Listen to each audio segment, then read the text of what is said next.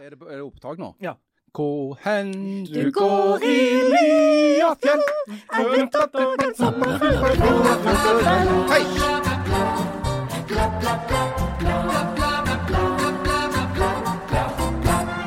Kjære mannslem. 17. mai er en dag vi har sett fram til hele året. Fordi den norske grunnloven eh, Det er jo bare stress og styr. Kjære Åh.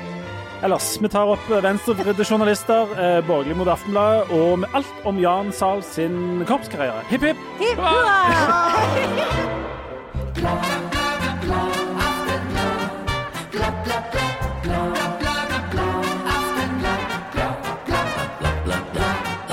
Jeg er ikke helt på. Vi må, vi må, Jeg vi må, merket det. Vi prøver må ja, men jeg er ikke helt inne i 17. mai. Kan vi ta det en gang til? Hipp, hipp! Hurra! Nemlig. Er du ikke inne i 17. mai? Nei, for jeg, jeg ble satt ut fordi at jeg merket Egentlig nå så skal du si hipp, hipp, hipp. Ikke bare hipp, hipp. Nei, Det var han nei, som det sa skal du det. Ikke, du skal hipp, hipp.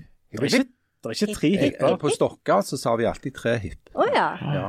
Så Men for det som jeg merket med For når, når Harald begynte å synge, så merket jeg Det som alltid er problemet, at vi, det er akkurat som i kirka, at du Det er alltid noen som begynner på et tonefall og sier at jeg må gå veldig høyt opp. Ja. Og så klarer jeg jo ikke å gå så Så høyt skulle opp. lage liksom her nede. Hvor Jeg vet ikke er, hen det det som er problemet? Liafjell, en vinter Ja, for jeg tror jeg lar meg veldig Ja, Vil dere ha en sånn saksopplysning her. Jeg er gift med en kvinnelig ja det er du jo. Så Eh, der har du litt Problemet er at de toneartene som passer for menn, passer ikke for kvinner, og vice versa. Nei. Eh, Så en kan diskutere sosialt kjønn som en gidder, men stemmene er rent biologisk lagd til sånn at de er veldig vanskelig å få til å Men hos, hva er det som er trikset, da? Nei, da enten, altså Det blir veldig ofte sånn, og det vil du merke når det blir sunget sånne uh, duetter rundt omkring, og folk skal holde på med det der, at enten så må at en av de strever med at de må gå så himla høyt eller så Ja. himla lågt at det liksom ikke går helt i hop. Sånn at det, Ja. en, en, en, en, må på en måte justere disse toneartene litt for å finne ut fram til den individuelle Ok. stemmen. Men i utgangspunktet så er den mannlige og den kvinnelige stemmen ikke helt kompatible når det gjelder dette med å synge den samme tonearten. OK, hva er den beste duetten? Det er jo uh, Ever. Up Where We Belong. Ja. Ebony, ja. Ebony and Ivory. Ja, Ebony, Ebony. Ebony and Ivory. Hun og han. Hva med Islands in, Islands in the Stream? That is what we are. Ja. Det er Dolly Palparten og så han Barry Gibb. og så Nei, resten- er det ikke Kenny Kenny? Rogers. Kenny Rogers Ja, er det, ja. ja. Gentleman's-cowboyen fra Ja. Er ikke, det, er ikke den òg Den er vel topp tre? Jo, den, den, den er fin, men det som er med Up Where We Belong, er at de deler stemmer på et eller annet. Altså, Det skjer noe der eh, som, som er ekstra rørende. Det er jo Ja. mange som mener at den der Fairytale of New York er kanskje den beste. Nei, det er noe hekk. Altså Shane McGowan er jo en veldig gubbenåda vokalist. Eh, nei, Ja, det er han ikke. eh, han er jo ikke det. det jo og Kirsty McCall er jo golden, Åh, men Shane McGowan er jo Dessuten er det helt umulig å høre hva de synger. Ja, det er mye sånn around the sun. Det er flott. Og så mener jeg faktisk, og dette er kanskje en brannfakkel, You're the one that I want fra Grease. Oh, ja. You're jeg. hvordan, hvordan?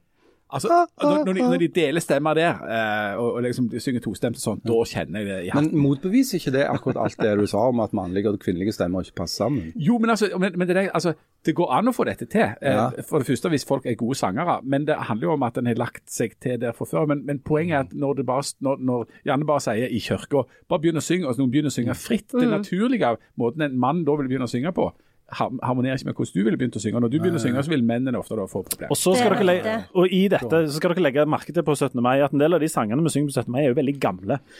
Og i, i gamle dager, når mennene skrev da, så, og gjerne folk som var sånn ekte komponister og sånt, de skrev ting som var ganske utfordrende. Det er Ikke sånn nymotens popsanger der du trenger en fire-fem, eh, altså et register ifra A til A, og så var det greit. For eksempel å synge Ja, vi elsker. Den går jo all over the place. Ja, place. Ja. Og, og, der er det jo, og der er det jo akkurat som i en 800 meter, eller? Nei, vet, vet En 800 meter til og med. hvis, altså, startpunktet Ja. Kan kanskje virke logisk på Ja, vi elsker. Altså, hvis, hvis jeg Mm, hadde liksom bare bedt. Harald eller deg nå, ja, begynn på den, Altså, Ja, vi elsker. Og Hvis da har der, du problem hvis du da- begynner der. Ja, nettopp det. For at Ja. når du da nærmer deg der det skjer, så er du sluttkjørt. Ja. Og, en, og det var poenget med, med 800 meter. Hvis du legger ut i en voldsom fart, så er du sluttkjørt på slutten. og det er da du ender opp med at du kommer til slutten der Oh, den sa ja, natt. Og så er det noen som Ja. må liksom ned en hel etasje. sant? Og det, det, og det er jo dette vi har korpser til på 17. mai. Fordi at vi trenger noen til å veilede oss i eh, å, å Vi trenger ikke begynne. korps til noen ting. Vi trenger ikke sette tonen. korps, kan jeg si noe? Ja. Fordi jeg hadde en liten oppvåkning den andre dagen. Fordi jeg elsker jo korps. Eh, og, Du er galen. Ja. Og eh, vil gjerne høre når de spiller sin lystige sang.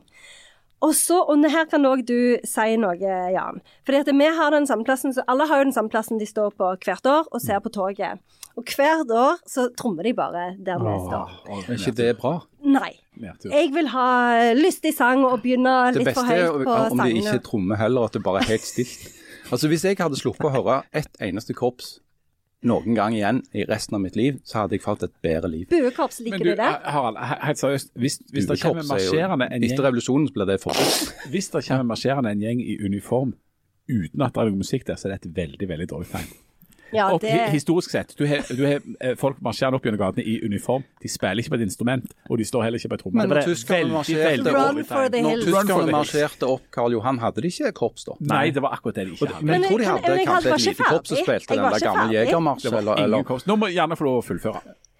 Det som jeg har fått tips om, er at grunnen til at de bare trommer, er at det er en liten oppoverbakke der. Ja. Aldri tenkt på det! ja, for de kan jo ikke spille i oppoverbakke. Det, vi, vi må, Satt på feil sted i alle de år. det er en person i vår midte som kan dette med korps bedre enn noen andre. Nemlig eh, Bryne skolekorps eh, gamle frontkjemper, for å ta, bruke krigsmetaforen her. Korps- Nei, hva var det klarinett? Var det ikke det du trakterte? Jeg begynte jo å, spille klarinett, men jeg begynte jo faktisk på, på kulturskolen da, fordi at eh, mor mi syntes at det var en som het Akka Bilk, så jeg fremdeles ikke aner hva det er. Så jeg var han, ikke så flott på klarinett. Jeg tror han Ja, ja, ja. spilte en for sånn Dixieland. Akker Bilk. Har dere hørt om Akka Bilk? Jeg har hørt om Akker Du har Bilk. hørt om Akka Bilk? Jeg har alle kassettene med Akker Bilk.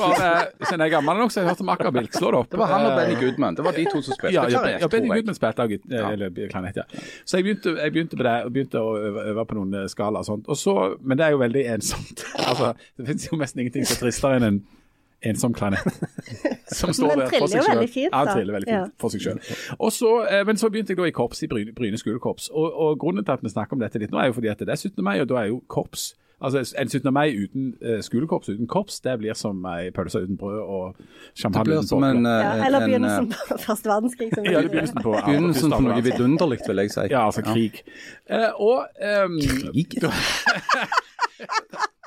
så, så eh, og, og så er greia da at, at eh, etter å ha hatt etter pika faktisk da i 1985, altså det året som Jeg har skrevet en, en kommentar i avisa som eh, folk kan gå inn og lese, med noen rørende bilder av meg sjøl. Ja, ikke året 1985.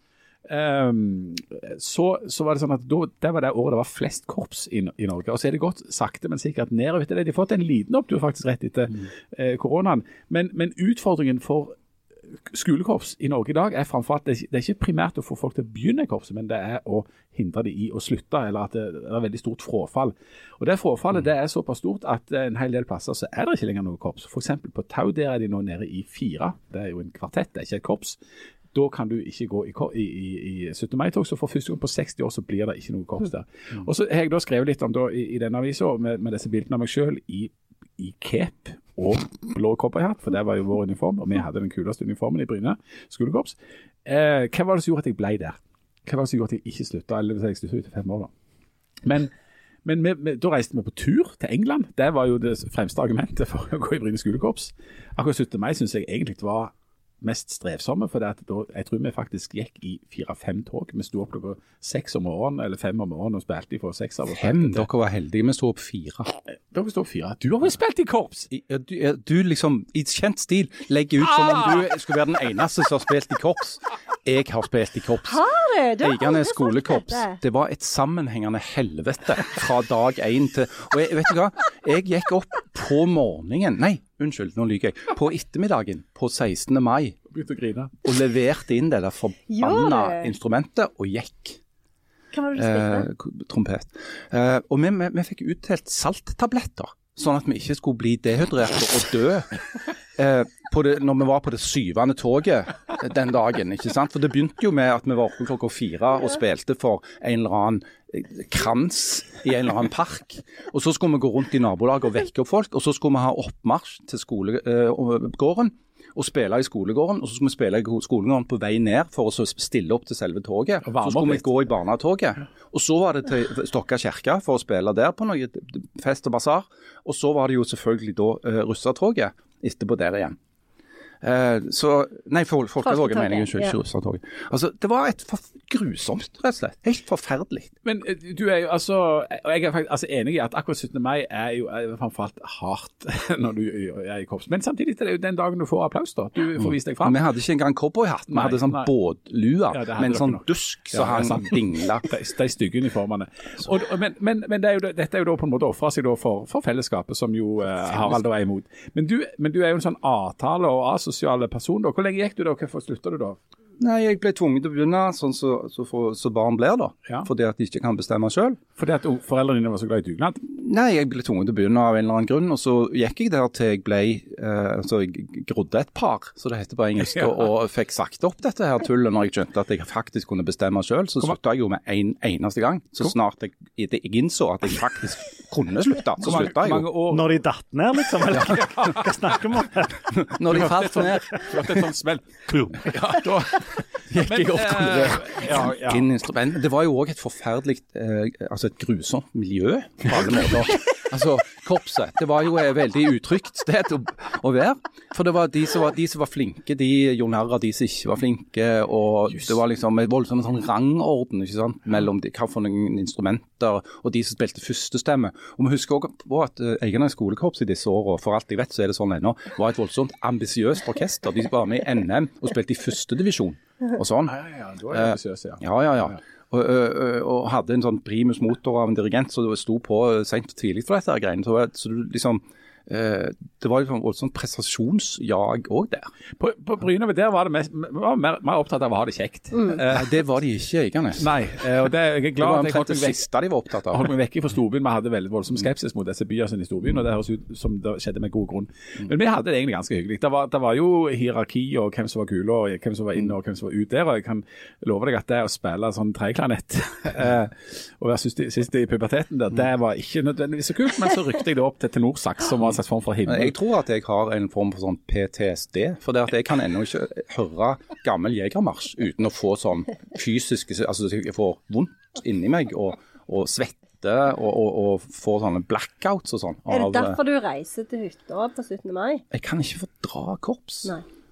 Men du elsker det, hjemme. Ja. Jeg, jeg syns det er flott og stemningsskapende. Eh, Lindøy, da? Um, jeg har en ehm, Lenge så, så, så var jeg òg sånn at jeg Å, korps øh. Men så er det et eller annet som skjer på et eller annet tidspunkt der du uh, får en sånn en eller annen slags følelse for noen sånne tradisjoner som du trodde når du var ung og kul og, og, og vurderte skinnbukser og liksom hadde sveis og forskjellige ting. Sånn. Så tenkte du at jeg blir aldri sånn. På et eller annet tidspunkt så blir du jo litt sånn. Og, Bortsett fra Harald, han har aldri kommet ut av puberteten. du har helt sikkert dine andre sånne nykker så du har begynt litt, litt sånn voksenting. Og det, jeg, jeg har begynt å like eh, korps, lyden av liksom, og korpstradisjonen på 17. mai. Jeg har òg begynt å like 17. mai i seg sjøl. Um, eh, jeg, har, jeg har ikke noen sånn voldsom sånn nasjonalfølelse, og sånt, men, jeg, eh, men jeg, den dagen som en sånn tradisjonsdag ligger jo, der er jo korpset, uansett hva du syns om selve musikken, og sånt, er jo en sånn sentral sånn, bærer av de greiene der. Og der er jeg kommet fordi at jeg bare blir kjedeligere og kjedeligere. og kjedeligere. Det altså, gjør du ikke. Jo, jeg gjør jo det. Men du er blitt en middelaldrende mann. Ja. Ja. Og da, da eh, er det jo sånn korps hører hjemme. sant? Eh, og jeg tenker på de, disse 17. mai-togene, f.eks., som er den eh, veldig sånn rar norsk, en rar tradisjon da, i, i sånn verdenssammenheng. Hvis, du, hvis alle disse togene bare skal være en haug med sånne litt sånn halvmutte unger som bare går forbi, så altså, da er det jo ikke Da mister du noe av 17. mai, da. Helt tror jeg. enig. Mm. jeg, jeg er villig til å ta den sjansen. Og så er det jo sant, men, men da mener jeg da kan vi havne i den misforståelsen som vi havna i i 1940, der eh, tyske tropper marsjerte opp, og alle stilte seg opp og trodde at det var Eiganes skolekorps og Jernbanens musikkforening som liksom kom. Og så sto folk bare, Spill noe! Spill noe, da! de hadde bare trommer. Ja. Og så viste det seg at ja, de var ute i helt annet ærend. Ja, de var det. Ute i et Det var, annet det var ikke Når det smalt, så var det ikke trommeslag. Nei, jeg har jo òg bodd i Bergen, og du nevnte jo dette med buekorps. Og buekorps de trykker på alle knappene mine. Ja, altså. der er jeg det, det, altså, det er små borgerbarn, umyndige små borgerbarn, som begynner med å gå Altså, de går med lekegeværer eh, og trommer på en illevarslende måte i dag etter dag etter dag etter dag hele våren. Og du Spe- begynner spe- spe- spesielt i eksamensperioden på universitetet. eksamensperioden, og gjerne tidlig om morgenen når du akkurat har kommet hjem For en hard lese. fra en hard økt eh, i, i akademia, så begynner de, Nordnes bataljon f.eks., å tromme på den der nokså fascistiske måten. Og, ja, og det, er- det, og det er jeg helt enig i. Jeg forstår ikke at f.eks. forebyggende enheter i Bergen sånn at de ikke slår ned på disse korpsene. For det er jo speideren pluss. Altså, i Du kunne jo tenke deg hvis noen hadde prøvd å gjøre noe med det der i Bergen. Eh, ja, de, mener, jeg mener at minstemålet for hvis du skal være med i korps, er at du må spille et eller annet. Du kan ikke gå med sånn legegevær og dundre du på. det de kaller rævedilter. Da har du ikke engang gevær, du får bare gå bak og, og se på de som har et, et, sånn legegevær. Og, og drømme om den dagen når du får et gevær mellom hendene. Sånn er Bergen. Og det er veldig u-17. For det, på 17. mai skal disse ungene gå og spille sånn sur trekkbasun. ikke holde på med sånn gevær og sånn. Klarinett med sprukken sånn en flis. Ja, Ja. det er fryktelig. Men Ja. ja, men nei, Ja, ja, for det, Nei, men- men i år så er det jo veldig forvirrende, for det at du gjerne skal ikke holde 17. mai-tall noen plass. Det skal jeg. Og, Det er et spørsmål til Janne Harald. og jeg skal heller ikke skal ikke på en eneste dugnad. Hæ? Nei. Så uvant. Hva er Ja. det som foregår? Nei, jeg vet ikke, kanskje Hvordan jeg har skal det gå med de på. Trones nå? Og, De har ikke spurt meg om noen ting. Hæ, vi hørte jo hva som skjedde i fjor. Men Harald, du skal. Ja. Og du får jo ikke holde 17. mai-tallet i din egen heimbygd. Nei, Det er det ingen som spør. Det er bare Hvem som skal tenk- holde her i Stavanger? Aner ikke. Det er sikkert en eller annen tysker eller noe sånt Men hvem er det som pleier å holde 17. mai-taler? Jeg, jeg har aldri hørt en 17. mai-tale i Stavanger. Hvor er det de blir holdt? Når og hva? Jeg er jo ikke herfra. jeg aner Helmut. Kohl, er det han? Helmut det Kohl, han har sikkert tid. De har jo rundt forbi skolegårdene så er det jo 17. mai-taler og i bydelene, men er det en slags hoved 17. mai-tale? Jeg trodde alltid det var Bjørg Tustdal Moe. At det alltid er hun? Ja, det- Jeg lurer på om det er Helmut Schmidt. Men hun har jo fått altfor mye etterlønn, jo, så jo, men, kanskje hun ikke fikk i jo, men kan gjøre det gratis i år, da. Jeg vet det kan være noe. Nei, jeg skal han- iallfall holde 17. Ratzinger. mai-tale i, i, eh, på Nesflaten i Suldal i morgen. Det gleder meg. Sentralt på Ja, det er sentralt. Det er midt, eh, midt i downtown. Nesplaten. Men dette er ekte. Og hvorfor har de spurt deg om å holde 17. mai-tallet der? Det er jo um, et relevant spørsmål. Alle de andre sa nei. Hvor mange har sagt nei? Nei, jeg vet ikke, Det turte jeg ikke spørre om. det. Altså, Jeg har jo ikke lyst til å vite svaret. Men har du, har du lagd den ferdig? Ja, ja, ja, den er, er klar? ferdig, den For at det, i, I fjor så øh, hadde jo jeg to, som dere husker. Ja. Og da hadde vi jo uh, med en liten avtale om at jeg skulle begynne med Hva var det det var nå igjen? Det har vært et interessant år. Nei, det har vært noen interessante år. Det var Ja, en sånn var øh, fase sånn. som jeg var så lei av at folk sa. Ja, hva var det vi sa? Det var Ja. det vi sa hele veien under korona. Spesielle år, var det? Spesielt år. Et spesielt år. Ja. Et spesielt år. Jeg har ikke tenkt å si det. Du skal ikke begynne med det. Nei. Du skal ikke føre den tradisjonen videre. Hvordan åpner du da? For her er det jo sånn at hvis, du, hvis den første setningen din er feil, så mister du hele Mm. publikummet. Og der inne som du snakker om, der snakker vi om en seks-sju stykk. Anslaget, anslaget Jeg er jo det ikke, helt jeg har jo ikke lyst til å røpe for mye. Nei, men du, litt grann må du Litt kan røpe. du røpe. Men, men jeg tenkte, altså, og det kan jeg jo spørre dere og bruke dere som en slags hva heter det, referansegruppe. Ja, det altså, kan vi godt er det ikke riktig i en 17. mai-tale å begynne med å gratulere med dagen? Er ikke det en, Eller, pla en plass å Skal jeg si begynne? hva jeg gjorde? Skal jeg si hva jeg Ja. gjorde? Jeg vet ikke om det er en brannfakkel eller hva, men jeg Eller en, eller en fasit. Hvem, hvem vet? Jeg vet ikke om det er en fasit, men jeg holdt jo altså to i fjor. Ja. Og jeg vet ikke hva Jan gjorde. Når han hadde på seg den der eh, Hamsun-dressen. Ja, ja. eh, Lindressen min. Ja. Tom Wolff-dressen min. ja. Eller, men er det ikke det han har i Mysteriet? Har ikke han noe sånn hvit Jo, dress den er jo det, kanskje. Ja. Eh, jeg du? avslutter med 'gratulerer med dagen'. Har. Ja, men det gjør jeg òg. Ah, du sier det to ganger? ja, ja, ja. Er det for at talen skal bite, skal bite seg selv i halen? Det, det er jo på en måte en det, ja. At altså, du får en form for sånn eh, sirkel. sant? Ja. Altså, det, det Sirkelargumentasjon, det er du Ja. veldig god på. Veldig god. Eh, nei, altså, så tenker jeg altså, Det er jo naturlig i en 17. mai-tale at du eh, 17. mai.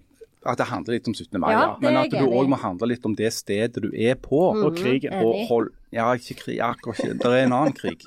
Ikke den krigen. En annen Ja, krig. Altså det, det stedet du eh, holder talen på, Ja. og hva, hva slags følelser og tanker du har rundt det stedet. Mm. Eh, og så jobba jeg videre derfra, tenkte jeg. Helt enig. Men har du, har du mye følelser knytta til Nesflaten? i- Har du mye følelser? Altså, dette, her er det Altså, jeg, jeg har mye mer følelser enn deg, Jan. Ikke at det, ikke at det er en ene målestokk. Men, men jeg har en god del følelser, og jeg har jo veldig veldig mange følelser eh, overveiende positive eh, når det gjelder Suldal. Det er jo der jeg eh, tilbringer mye tid. Ja.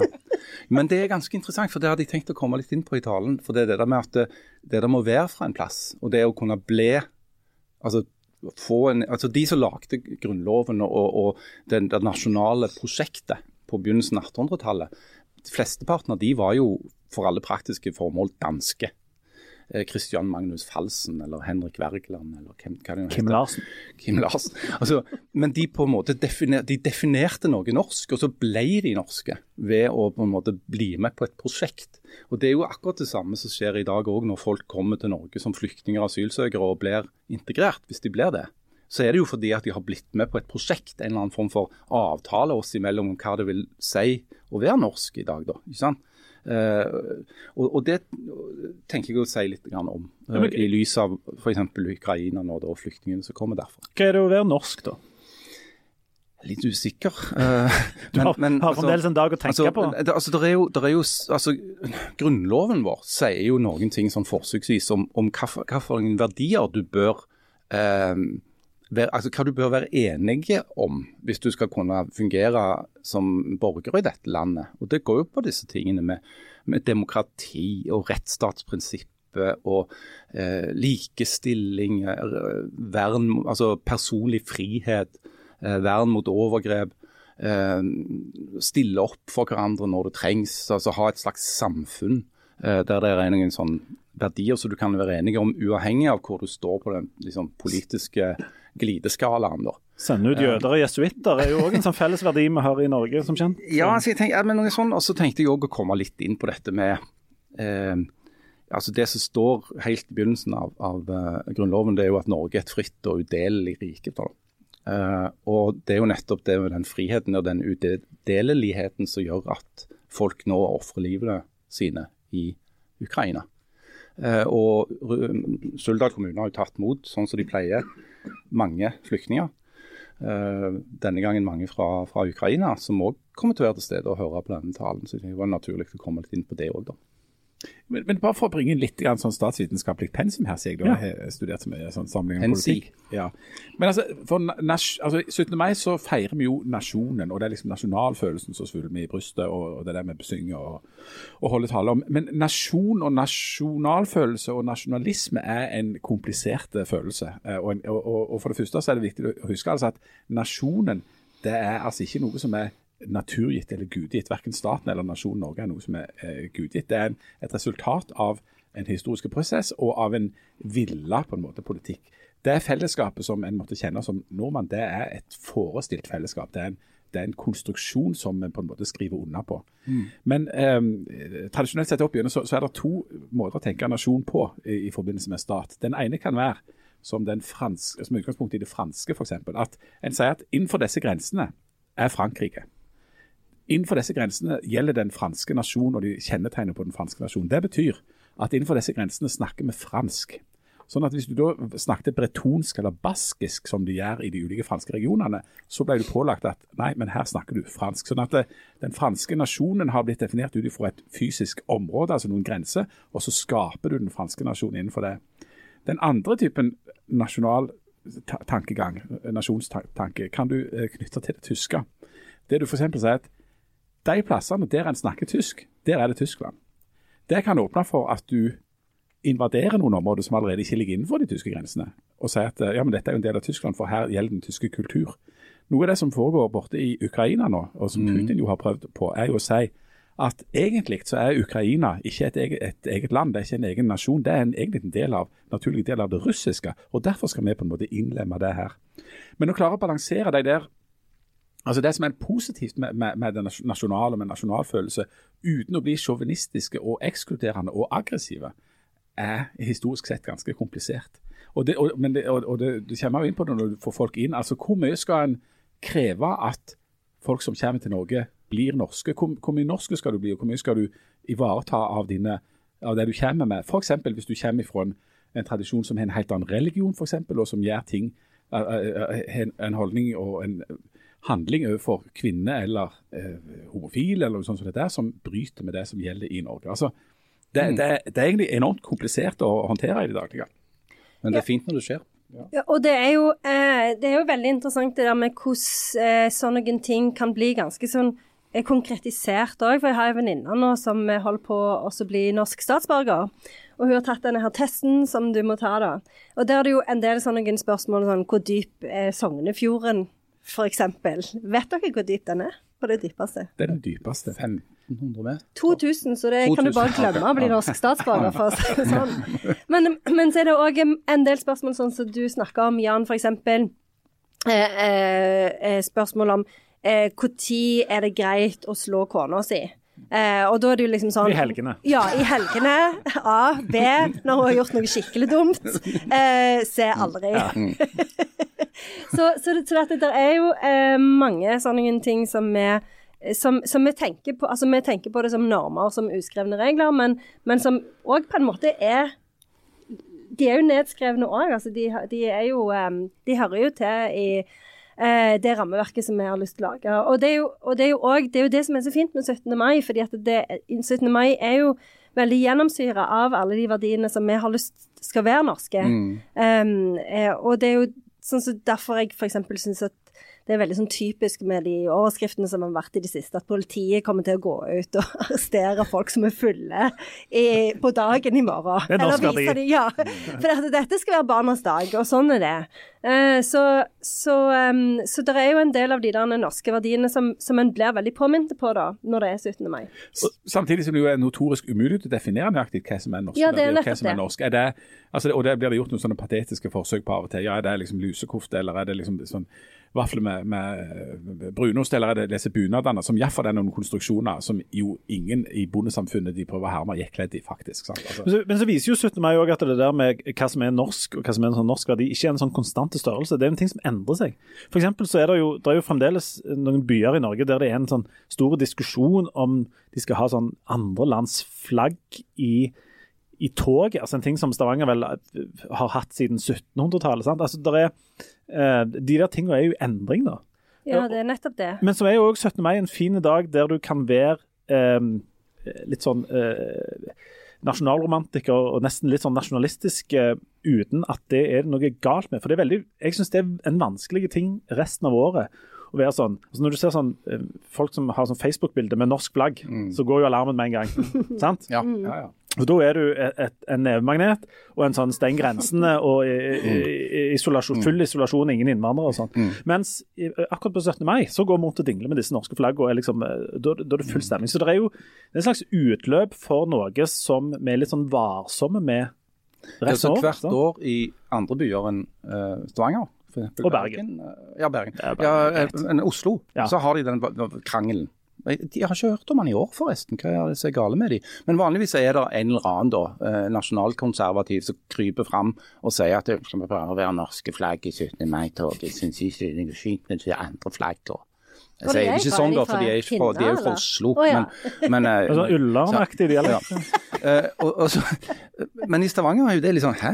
Altså, her har vi jo alltid hatt uh, en haug med flagg, og jeg syns det er enormt stilig at det er så enormt mange flagg uh, fra forskjellige land. For det viser liksom hvor mange nasjonaliteter som bor her og har lyst til å liksom vifte litt med flagget sitt på 17. mai. Og ingen har vel, ja, kanskje noen da, men veldig få, har tenkt at det har vært et problem, egentlig. Ja, ja. Eh, og det viser vel at det går fint an på en måte òg, å å ha det der Altså å være, ha røtter to plasser, det er jo massevis av eksempler på at det går helt fint. Eh, med mindre du gjør det til noe ufint. Nemlig. Enig. Men eh, det som jeg eh, kjenner at jeg merker at jeg irriterer meg over, som jeg kom på nå, eh, det er jo eh, For dette NRK har jo alltid sånn sending eh, som en ofte ser litt på når en liksom har kommet på at en har, det er jo alltid noen har glemt å strøke, så en må stå liksom og stryke det sånn tidlig om morgenen. Så ser en litt på NRK, da er det alltid sånn Ja, nå står vi her i Hønefoss og venter på at eh, folketoget skal, eh, barnetoget skal komme. Og så er det liksom sånn Hvorfor er de aldri her? Nemlig. Er det sant? Ja. Det er så langt. Ja, det er så sykt langt, det. Å, de alltid- så veldig De har de jo er- ikke de Der er- finnes jo ikke NRK Rogaland. Nei, nei, men det, er- de er jo alltid en av plass det snør i Nord-Norge. Ja. Ja. Men òg på Østlandet. og på Jan Mayen. Og så, det en, så dukker det opp en Ja, nå vi, eh, står vi på Skaugum, og så venter vi på at en kongelig kongelige skal komme ned med Hans Majestet uh, kong Can Hatner eh, med- Og Mette-Marit skal komme ned. Og de står her sammen med kaninen sin. Og, og, så, og, og der skal de inn så tidlig. Står her med kaninen sin. Jeg tror de Det er pleier det- Er det- dyr. De har jo alltid De alltid et dyr. Den kongelige kaninen. kanin. Ja. Ja, det er alltid Ja, en og den har fått, den har, Rabbit! Royal Rabbit! og den har fått et sånt The holy hand grenade of Antioch. We have heard yeah. that the royal, royal rabbits will emerge from og, den, og det kongelige dyret from its rabbit hole today on these queens. Oh, there it is.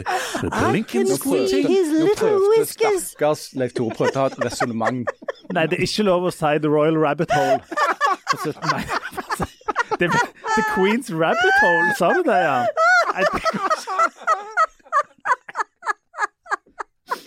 Unnskyld, unnskyld, unnskyld. Vi beklager til alle lytterne. Særlig de, særlig de som bor på Skaugum eller rundt der. Eller folk som er glad i dyr. Konge, kongefamilien. 17. mai, korps eller lignende. De er glad i dyr, men ikke for glad i dyr. Det er Ikke så glad som kongefamilien. Vi er nødt til å ta være en pause nå, og så må vi ta noen etiske vurderinger, og så kommer vi tilbake.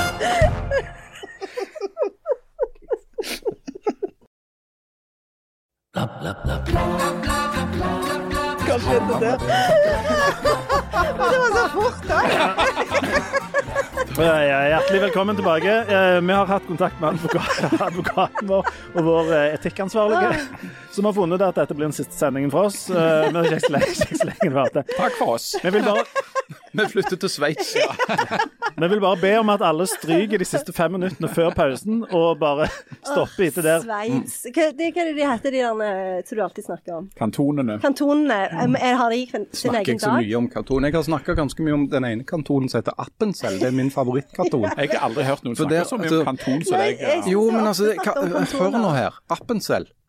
Ikke bare er de kjent for en veldig illeluktende ost, men de har òg stemt nei til kvinnelig stemmerett hver bidige gang. Det har vært folkeavstemning om det. Senest nå, eh, sist, var ikke så lenge siden. Kvinnene gikk mann av huset og stemte imot Ja. stemmerett for seg sjøl. Men folk stemmer jo på så mye, mye rart. Og for at vi ikke skal blande oss inn i, i flere sånne krysninger mellom kongefamilien 17. mai og dyr, som jo Ja, kom litt det. uheldig ut, så skal Ja. vi nå snakke om seriøse, alvorlige tema.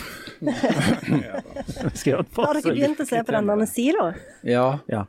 Ja? Syns du det var bra? Ja. Likte du ikke? ja, greit nok, altså, men det er liksom litt sånn Jeg, jeg syns ikke det var så fantastisk. Du. Firer. En firer. Hvordan syns, dere at den overgangen som Leif Tore prøvde seg på nå Ja, beklager, men jeg jeg hadde jo et viktig spørsmål, og jeg, Ja, ja. jeg glemmer det jo hvis jeg ikke spør med Og en det var et seriøst eh, tema. Jeg lurte på om den der siloen om den representerer Dantes eh, Ja, ni sirkler. sirkler mm, Mm, ikke? jo, det tror jeg. Nemlig.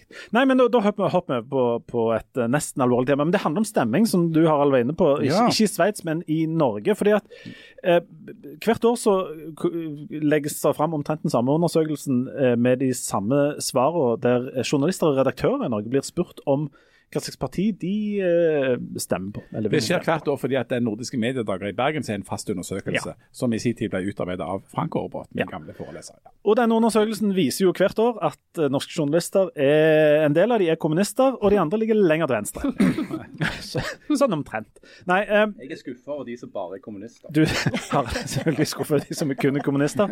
Uh, nei, den, denne undersøkelsen viser at uh, norske journalister stemmer uh, annerledes enn resten av befolkningen. Det må vel eh, det må vel gå an å si. ikke sant? Altså, vi, eh, det er flere som stemmer på SV og Rødt enn resten av befolkningen. Eh, det er færre som stemmer på Frp og Senterpartiet. eh, Kristelig Folkeparti er omtrent vekke. Jeg òg er veldig bekymra for dette med næringsliv, for det viser seg at veldig mange næringslivsledere stemmer Høyre. Uh, ikke bare næringslivet, men våre Det sjefer. er enorme slagside. Våre Ja, sjefer. Men Harald, for å fylle opp det venstrepopulistiske poenget der. Hvis du syns det er naturlig at folk som jobber i næringslivet og med verdiskaping stemmer på Høyre, hvorfor er det, hvis, hvis du knytter yrke til stemmegivning, Mm. på hva slags måte er det naturlig? Det var ikke normative men, uttalelser, jeg ga, men det var du, det var deskriptivt. og Nå skal du, deskri, nå skal du få, få ta en deskriptiv analyse av dette. På hva slags måte skulle det være naturlig at folk som er journalister, eh, stemmer i så enorme grad på Sosialistisk Venstreparti? Nei, det er litt mysterium for meg òg. Ja, for da er det ikke så logisk allikevel, nødvendigvis. Altså, altså Sosialistisk Venstreparti er da det største partiet blant norske journalister. 18% Det overgår by far eh, det som er det faktiske eh, opps oppslutningen om, om eh, Ja, det er ganske voldsomt òg. ja. Og så er det altså 6 på Rødt, da er vi oppe i 24% Og så er det 16% Arbeiderpartiet. Da har du altså eh, 50 Um, og, og liksom flertall omtrent. Og så også MDG er oppe på 9% Det som er den aller, aller, aller største diskrepansen i forhold til vanlige, altså, vanlige folk, det er jo Fremskrittspartiet som har en oppslutning i journalistkretser på 1% Mm. hvordan, hvordan skal vi forklare det? Nei, jeg Altså, si det. Altså, se- altså for Når det gjelder Ap, eh, så er jo det omtrent på landsgjennomsnitt. sant? Rødt er omtrent på landsgjennomsnitt, kanskje litt grann over. Litt Litt over. Men, men 6% er ikke så fryktelig langt vekk. Men SV det er et skikkelig utslag. MDG òg. Mm. skikkelig utslag. Og, og, det, og det er vel et, noenlunde det samme um, avviket i akademia som Janne representerer, er det ikke det? Altså, Det er det- det. Fin- Finnes det, finnes det tall der? Som Ja, det finnes tall der òg. Der er, er det sånn at, og Disse tallene er noen år gamle, og de varierer litt. Grann, men um, Høyre og Arbeiderpartiet er s- altså sånn, si normalt store i akademia, altså på sånn 20-25 eh, SV 15% MDG 12 Venstre 8 og Rødt 7 og så er, er det småputtelresten. Så de, de skiller seg litt i den samme Det virker jo nesten på en måte som om hvis du får deg høyere utdannelse, så har du liten tilbøyelighet til å stemme borgerlig. Eh, Nei, for det, det best utdannede partiet i Norge er Høyre.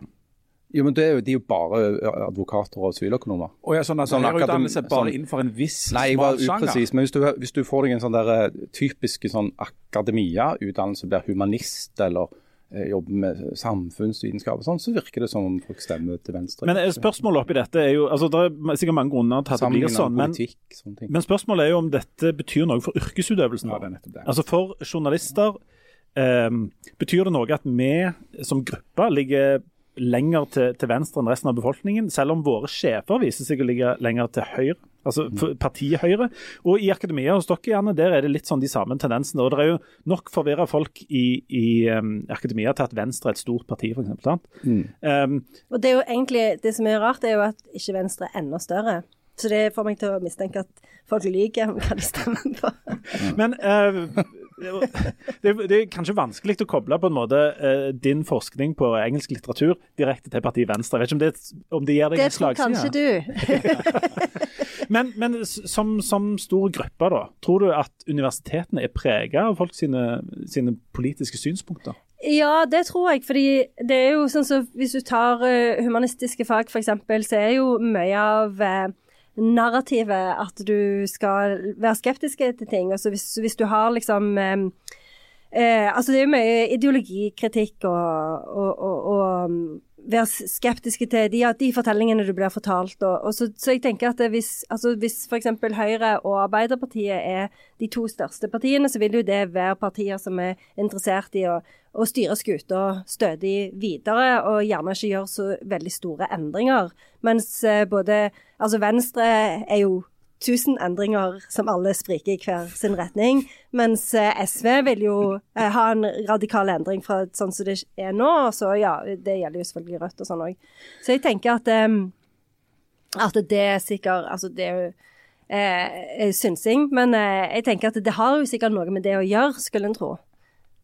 Altså, for Det interessante spørsmålet er jo om politiske preferanser og det at en heller i en bestemt retning har konsekvenser enten for forskningen eller for var det det som var journalistikken. spørsmålet? Altså, Jeg jeg, Jeg tror det. Altså, men det er, jo, det er jo det som er det interessante. Altså, for En ting er ikke folk stemmer, men hvis det ikke spiller noen rolle for utøvelsen av faget hva de stemmer, så er det jo ikke så viktig. Eh, Jo, men det var det jeg, jeg, skal bare si det jeg skulle si, da. Ja. Fordi altså, eh, det er jo klart at det, det, Grunnen til at du stemmer det du stemmer, og konsekvensen av at du stemmer det du stemmer, altså de tingene, to tingene er jo knytta sammen. Og det vil jo selvfølgelig spille en rolle hva du stemmer, din politiske overbevisning, på et eller annet vis. Det vil jo styre eh, litt hva tekster du velger å undervise i, hva vinkling du har på tekstene du underviser i. Så det er jo bare jeg, jeg, Ja, selvfølgelig betyr det noe. Og derfor får journalister og mediene veldig mye kritikk ifra høyresida. Spesielt da fra Frp, som peker bare på tall og sier det er 1% av dere som stemmer på oss. Derfor, derfor er dere på en måte mer fiendtlig innstilt til til oss enn til andre. og Derfor stiller dere på en måte spørsmål på en spesiell måte. En som har, en som har engasjert seg i dette i mange år, er jo Kristin Clemet, som har problematisert eh, nettopp denne her eh, tilbøyeligheten, eller dette med at, at journalistikken ligger såpass til venstre, eller journalistene ligger til venstre. Og Hun mener å, å se at det er en veldig tendens til at en stiller altså Journalistikken skal være kritiske, altså maktkritiske.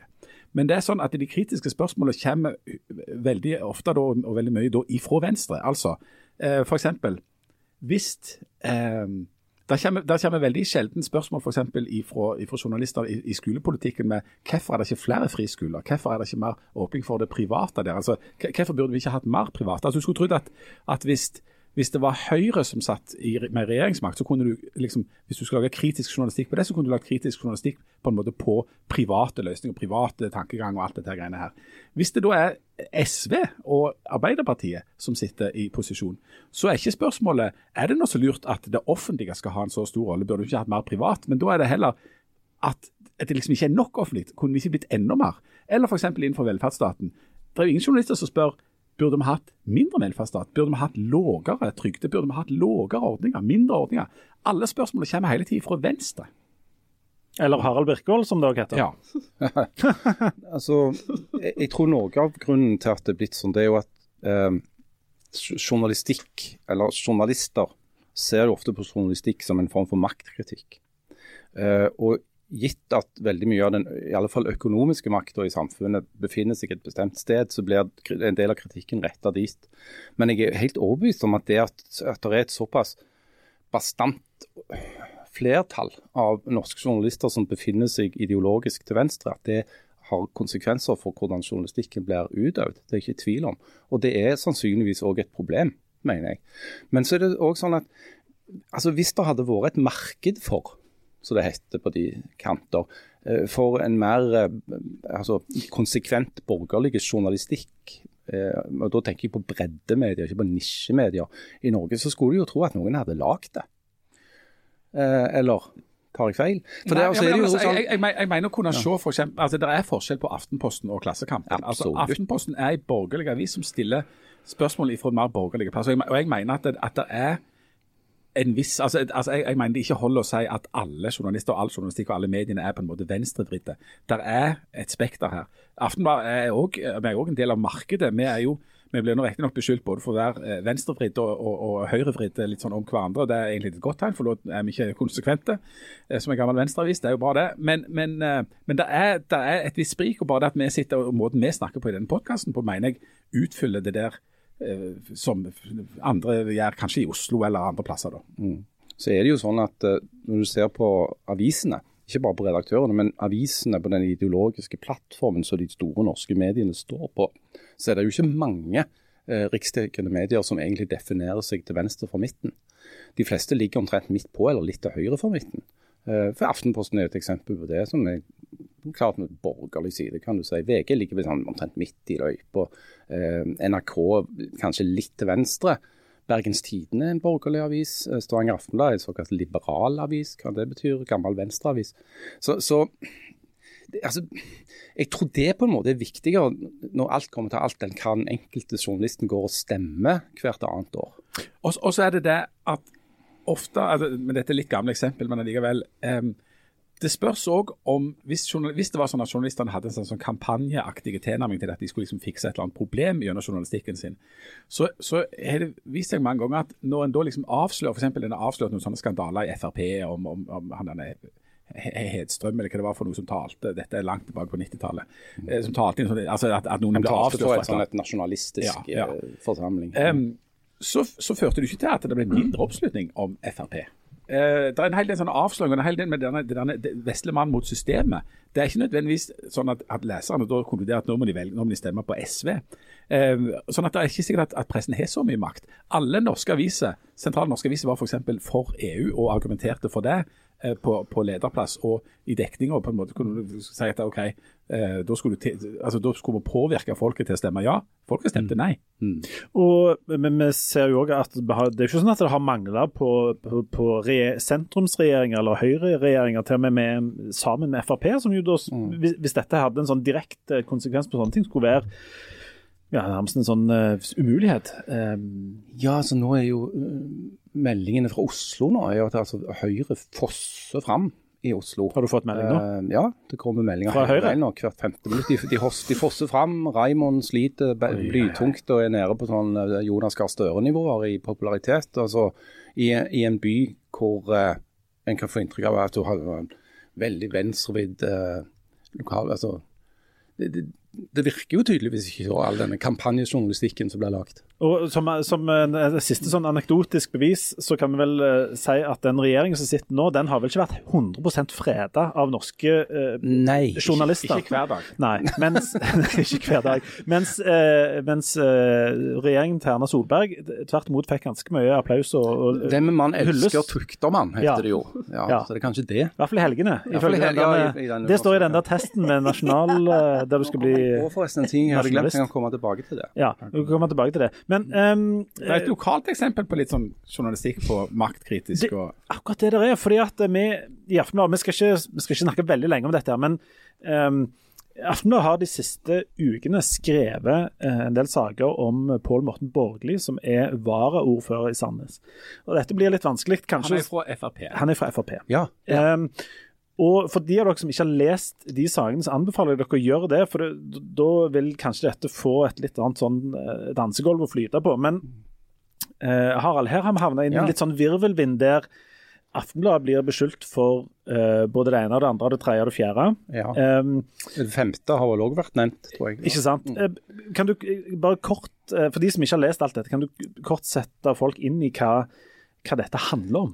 Ja, Aftenbladet har lagd en artikkelserie som handler om sånn helt overordna sett om habilitet. Altså om Pål Borten Borgli har hatt et eh, så eh, tett og nært forhold til et bestemt selskap, eh, Seabrokers, eh, og eieren av det selskapet, eh, at det ville vært naturlig at han på en måte gikk på gangen eller ikke deltok i beslutninger som angikk det selskapet sine forretninger eller denne eh, eieren eh, sine personlige eh, forhold. Eh, og Det er det denne saken har dreid seg om. da. Eh, og Så har han jo på en måte utvikla seg til noe mer, fordi at uh, Pål Morten Borgli selv og unnskyld, ordfører i Sandnes, Stanley Virak, som kommer fra Arbeiderpartiet, de har engasjert seg veldig eh, rundt den journalistikken og har framført en del påstander om Aftenbladet sine metoder, Aftenbladets potensielle motiver for å gjøre dette, her, som har gjort at saken har tatt en annen vending.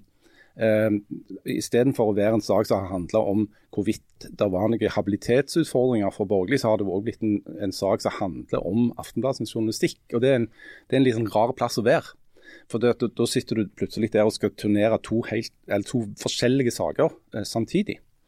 Nå, nå er det en svakhet i rommet her at nemlig at ingen av de som snakker, altså verken Pål Morten Borgli eller Stanley Virak del, sitter her og kan på en måte komme med sin versjon. Jeg tror ikke vi skal bore veldig mye i saken, men eh, vi, vi får være litt sånn djevelens advokat her. Men da, det jeg kan si det, til det, det er jo at eh, de som leser sakene, uh, de vil jo se at det er, det er gitt rik anledning for de som har fått uh, kritikk retta mot seg, til å svare på det.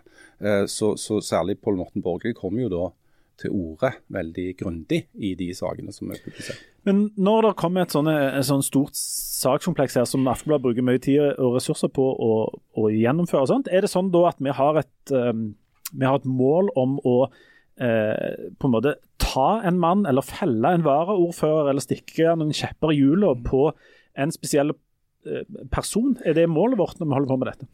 Nei, Uh, og, og det er jo det er noe av det problematiske her, mener jeg. Det, er at det, det, har, det har blitt påstått at Aftenbladet har en agenda, at vi er ute etter å ta noen. Um, det som tvert imot er, er saken, det er at det, det er faktisk en helt sentral del av Aftenbladet sitt samfunnsoppdrag som en hvilken som helst annen medieorganisasjon, å stille kritiske spørsmål til de som har makt. Uh, og En av de viktigste tingene i et lokaldemokrati det er å, å være sikker på at beslutninger som blir tatt, og særlig beslutninger som har økonomiske konsekvenser, blir tatt på et så objektivt grunnlag som mulig. At ikke du kan stille spørsmål ved om noen aktører har hatt andre motiver eh, enn de rent objektive og saklige for å gjøre det de gjør. Og Det at det blir stilt spørsmål om habilitet er veldig viktig i et lo lokaldemokrati. Um, og, og, og Det er det som gjør at jeg syns det er litt dumt når den saken da blir dreid til å handle om hvorvidt Aftenbladet har bakenforliggende motiver for det eh, redaksjonen gjør. Og særlig det at det blir, blir retta såpass kraftige beskyldninger mot enkeltjournalister. Eh, jeg skrev en, en, en, kommentar om dette på, på fredag, som var at det, det, er jo ingen ansatte journalister i Aftenbladet sin redaksjon som jobber som sånn privatpraktiserende journalister. De jobber på oppdrag fra og med redaktøransvar hos eh, sjefredaktør, som er ansvarlig for alt som blir publisert i Stavanger Aftenblad. Og redaksjonsledelsen står 100 bak den journalistikken som blir presentert. Det er ikke sånn at noen driver på med, med en slags kampanje i et vakuum i en redaksjon som Stavanger Aftenblad. Snarere tvert imot. Men For å binde dette litt sammen med det vi snakket om eh, nå nettopp. Er det lettere for eh, norske kommunistiske journalister å gå løst på en varaordfører fra Fremskrittspartiet f.eks. enn om vi hadde altså, en ordfører fra Arbeiderpartiet eller en varaordfører fra SV. Sånn, spiller sånne politiske ting inn. Ja, Nå er det jo vitterlig en ordfører fra Arbeiderpartiet i Sandnes, ja. så, så, det bare det forkludrer jo den teorien en smule. Eh, og Hvis du ser tilbake på saker som har vært nærgående når det gjelder norske politikere sine gjøren og laden, så har den fordelt seg ganske greit over den politiske spekteret. Eh, husker jo denne her eh, tildelingsskandalen som, som ramma både Audun Lysbakken og, og hjelp meg, eh, nåværende leder Kirsti Bergstø i, i SV. Eh, det har vært snakk om brygger og naust til ledende Arbeiderpartipolitikere. Det har vært habilitetsspørsmål reist rundt enkelte i både Høyre og i, i, Fremskrittspartiet. Så jeg, jeg, jeg har iallfall ikke et inntrykk av at dette er noe som har en politiske slagside. Om det var noe rundt uh, Hadia Tajik og han Trond Giske òg? Jeg lurer på om det ikke var noe. Det er et eller annet greier der, ja. Jeg tror ikke det. Ja. Og så var det noe med noe, med noe eh, økonomi og noe greier på Stortinget og noe boliger og greier. og noe ja, det, er, det er lett å rolle, lett å rolle seg. Og det, det var jo bl.a. en stortingspresident, var det ikke det? Som måtte ja, det var det vel. Hun kom vel fra, la meg tenke Ah ja, Arbeiderpartiet var det. Stemmer det. Så, ja. ja. Eh, den, denne borgerlige saken og, så, så, dermed ender denne soga som hver gang journalister får kritikk, med at journalistene regnvasker seg sjøl. Så på, på politisk Nei, men det, det, altså denne, Men hva skal han ellers gjøre? Ja, altså, det er jo ingen andre som gjør det. Den, denne saken er, er kompliserte og omfattende og, mm. og, og sånt. og jeg, jeg, anbefaler alle bare å lese eh, det som er skrevet i i disse sakene for, for å liksom skjønne eh, hva, hva, det greiene går i. Og eh, Les det gjerne to ganger, for det, er, som sagt, er mye, mye, informasjon der. og Det kan veldig godt være at vi kommer tilbake igjen til den saken og snakker litt mer om det konkrete innholdet der. For der er det bl.a. en del ting som handler om eh, eh, politikerne sin habilitet, og hva tid de kan være med og eh, behandle saker, ikke, som er ganske spennende. Men eh, jeg tror enn så lenge så, så Det er jo en sånn en god Det er såpass god historie om Det går jo mange sånne om eh, Stavangers gamle ordfører Arne Rettedal. Eh, som jo av og til syntes det var litt styrete med det der med sånn habilitet. og sånn, for det, Arne Rettedal var jo en veldig sånn mektig, innflytelsesrik politiker. Samtidig så var han forretningsdriver. Han var jo rådgivende ingeniør og bygge, hadde prosjekter gående òg. og han, jeg, jeg, har ikke gidda å, å faktasjekke dette, for det, det, er for godt til å ikke være sant. Dessuten er du journalist. Eller, ja, det, men det det gikk på at eh, Rettedal hadde et sånt munnhell. da. Var, ja, De sier jeg er inhabil, men dere vet hva jeg mener. Han sa vel òg at denne byen er for liten til at vi kan snakke om, om, om, om habilitet. habilitet, og, og korrupsjon. Altså, altså, vi har selvfølgelig ikke faktasjekka dette, sånn, sånn som uh, noe annet. Men det er, jo, det er jo litt Altså Si at du er en bitte liten kommune, da. Si du er Suldal, for å ta et eksempel. Med, med sine Jeg vil ikke åpne med de 17. mai-tallene. si at dere er en bitte liten kommune, da! ja, men si, altså, det, det er noen tusen innbyggere, og basically så kjenner alle alle. Tenk hvor mange sånne vanskelige vurderinger du må sitte oppi der. ikke sant? Du har denne grunneieren som prøver å få bygge hytter, og et ja eller nei til hytter vil bety masse penger. Enten ja eller nei til det. Og, og, dere har, går, har, unger som går i, nærmest naboer i bygda, og, og, du er folkevalgt. Altså, det kan, jo være kjempevanskelig å vite når du skal eh, si at dette har kanskje jeg være med på. Og, og Hvis folk tolker habilitetsreglene for strengt, så kan du ikke beslutte noen ting, for alle må jo gå på gangen hele veien.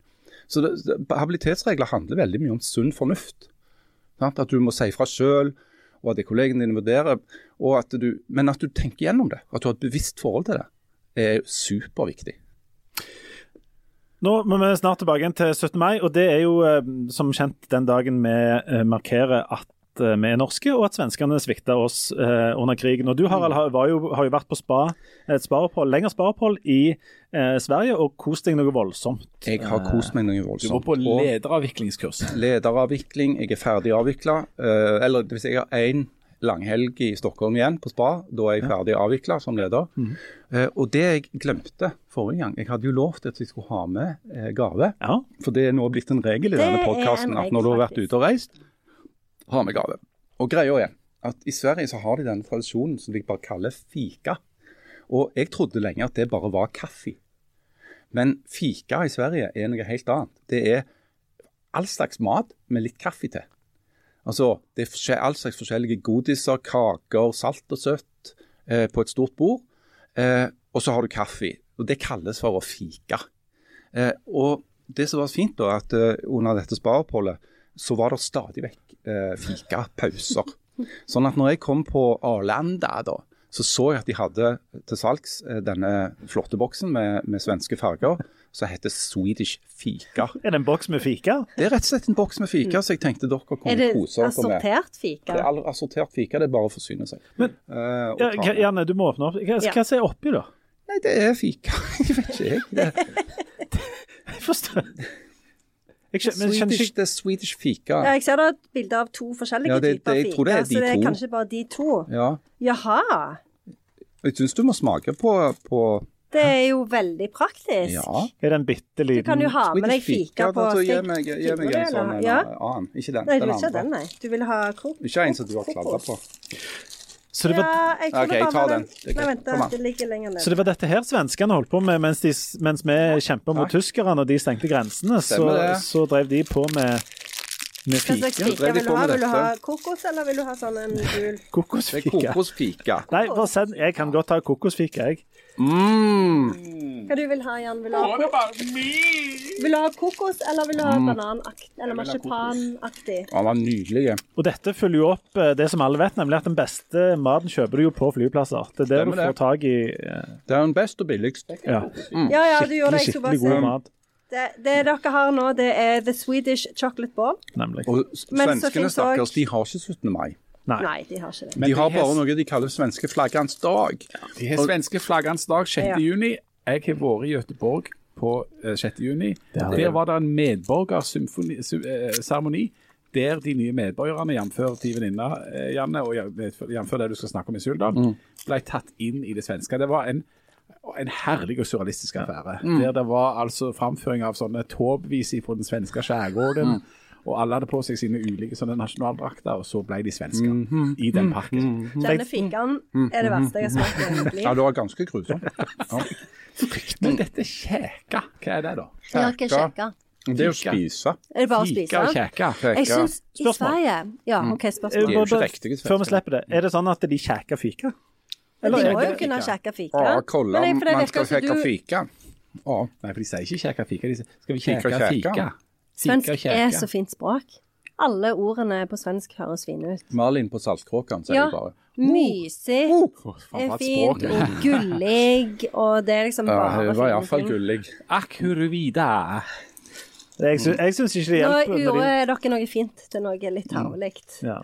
Bare fordi at vi syns at Malin på Saltkråkan var litt uh, snacksy. Så var, er det, hva er det som er tarvelig med å like At dere er sånn Men det er bare en lyd vi lager. Skal, vi, skal vi avslutte med, med 17. mai-tallet? Ja, for jeg må jo gå nå. Ja. Uh, da har vi enten Harald sin vil du, du, Nei, du vil ikke røpe din. Nei. Eh, for jeg har, en- jeg har en nød 17. mai-tall. Det er jo ingen som har Ja, spurt meg om å holde 17. mai-tallet, men jeg spurte jo min nye bestevenn uh, ChatGPT om um, han kunne skrive en eh, 17. mai-tale. Og det er jo sånn at uh, ChatGPT må jo få noen eh, Han må fôres litt. Grann. Så jeg, for å få en, eh, for, for, gi han en liten retning, så eh, skrev jeg ga jeg beskjed. Skriv en kort 17. mai-tale der du er litt bitter på at svenskene svikta Norge under andre verdenskrig. Et annet sentralt element skal være at Sverige vant finalen i Eurovisjon, og at Norge er litt bitre på det òg. Ja, Så da avslutter vi med eh, 17. mai-talen fra eh, vår eh, kjære venn Chat. Kjære landsmenn. og kvinner. I dag markerer vi 17. mai, en dag fullt av nasjonal stolthet og fellesskap. Men la oss være ærlige, det er også en dag hvor noen bitre sannheter kommer fram. Under andre verdenskrig ble vi nordmenn stilt over for en tøff prøvelse. Mens vi kjempet for vår frihet, ble vi sviktet av våre svenske naboer. Et land som tidligere hadde hatt et nært bånd til, valgte å vende oss ryggen og erklære seg nøytrale. Det er en smertefull erfaring som vi ikke kan glemme. Og som ikke det var nok, må vi også takle en annen bitterhet i dag. Våre svenske naboer har nylig seiret i Eurovisjon. Vi kan ikke benekte at det gir oss en følelse av skuffelse og misunnelse. Å se dem løfte trofeet mens vi sitter igjen med en følelse av tap, er ikke lett å akseptere. Og så blir han litt mer positiv. Men la oss huske at det er i slike øyeblikk vi virkelig kan vise vår styrke. Ja, det- Vi er et folk I motsetning til svenskene. kjent for vår evne til å reise oss igjen, til å finne glede og samhold i tider med motgang. Så la oss bruke denne dagen på å minnes våre helter fra fortiden som kjempet for vår frihet, og til å se framover med håp og optimisme. Selv om vi ikke kan endre historien eller resultatene av en sangkonkurranse, kan vi velge hvordan vi reagerer. Så la oss vise verden at vi er et folk som kan håndtere både motgang og suksess med verdighet og respekt. La oss bruke denne dagen til å styrke båndene mellom oss nordmenn, til å feire vår kultur, vår frihet og vår unike identitet. Gratulerer med dagen, kjære landsmenn og kvinner. La oss heve flagget høyt og vise verden hva vi står for. Takk. Det var kjempefint. Jeg fikk litt frysninger på ryggen, jeg. Ja, ja, ja, Men nå må jeg gå. Men nå har jeg funnet ut hvorfor de der Swedish fika smaker så drit. Det, det, de er, det er veganske. Er det det? Så det forklarer jo det hele. Ja. Den der, den der kokosvannet så ser det ut som de ikke har liksom rørt ut sukkeret helt, så det knaser. Nei, det var grusomt fælt. Det var aldeles Jeg er snart ute den opp nå. Jeg skal... I like måte. Takk for det. takk for det, ja. Ha det. Ha det, ha det.